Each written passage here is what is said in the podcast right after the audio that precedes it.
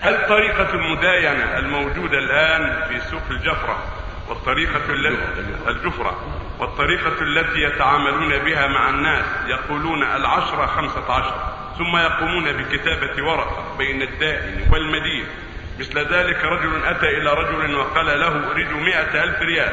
فقام الرجل الثاني بكتابة ورقة بثمانين ألف ريال. ثم قال له إني أريد منك مئة ألف ريال تسمع؟ فيقول نعم. ثم يشهد على ذلك الرجل أنه يريد منه المبلغ المذكور. ثم يقول له هيا نذهب إلى صاحب بيع القماش. ثم يقول كم الطاقة فيقول بكذا. فيقول الدائن لصاحب القماش عد لنا ألف طاقة من القماش ثم يدفع ثمنها. فيقول للمدين هذه بضاعة عدها. فإذا عدها وأراد أن يحملها قال له الدائن لا تتعب نفسك بيعها على صاحب الدكان لأن حملها يتعب. فيبيعها بثمن أقل من الثمن المشترى به. والسؤال ما حكم مثل هذا الدين وهل هو دائن هذا واقع هذا واقع وقد بلغنا ونبه عليه كثيرا كتب عنه كثيرا.